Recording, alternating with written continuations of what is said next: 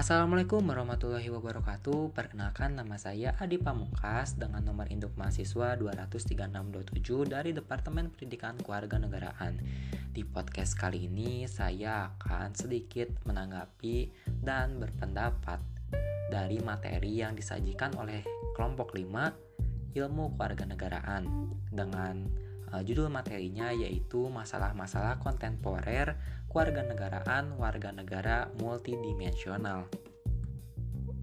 Lalu kita awali dengan uh, dasar-dasarnya dulu.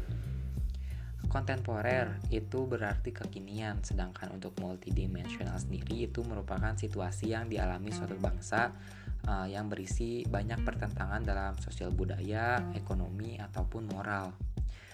Dan uh, Lalu ada pun juga macam-macam masalah kontemporer, yaitu salah satunya kemiskinan dengan beberapa faktor, tingkat uh, rendahnya tingkat pendidikan, kemudian lapangan pekerjaan yang minim, uh, lalu ada sifat malas bekerja, beban keluarga dan uh, keterbatasan sumber daya alam.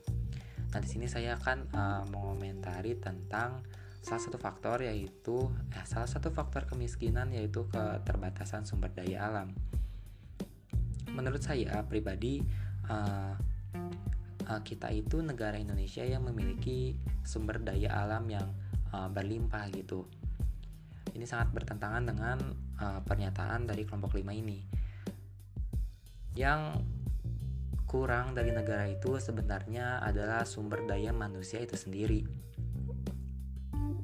Dilansir dari cnbcindonesia.com, World Economic Forum atau WEF mengeluarkan daftar peringkat negara paling kompetitif di dunia.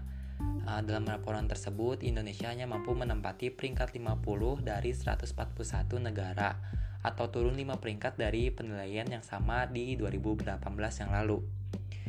Adapun uh, 12 indikator yang diukur seperti efisiensi pasar, infrastruktur, kesehatan dan pendidikan dasar, pendidikan tinggi dan pelatihan, efisiensi tenaga kerja, inovasi, kesiapan teknologi, pengembangan pasar finansial, ekonomi makro, institusi, lingkungan bisnis, dan ukuran pasar. Kemudian di dalam artikel ini juga ada komentar dari peneliti Indef Andri Satrio Nugroho. Ia mengatakan bahwa ranking indeks ini membuktikan bahwa persoalan utama kita itu bukan regulasi tetapi juga di SDM. Kemudian uh, bonus demografi terus diraih hingga 2020 tetapi nyatanya kemampuan SDM dan daya serap industri terhadap tenaga kerja kita juga lemah. Nah, di sini kita bisa menyimpulkan bahwa uh, Indonesia itu kekurangan SDM. Sekian yang bisa saya sampaikan. Terima kasih. Assalamualaikum warahmatullahi wabarakatuh.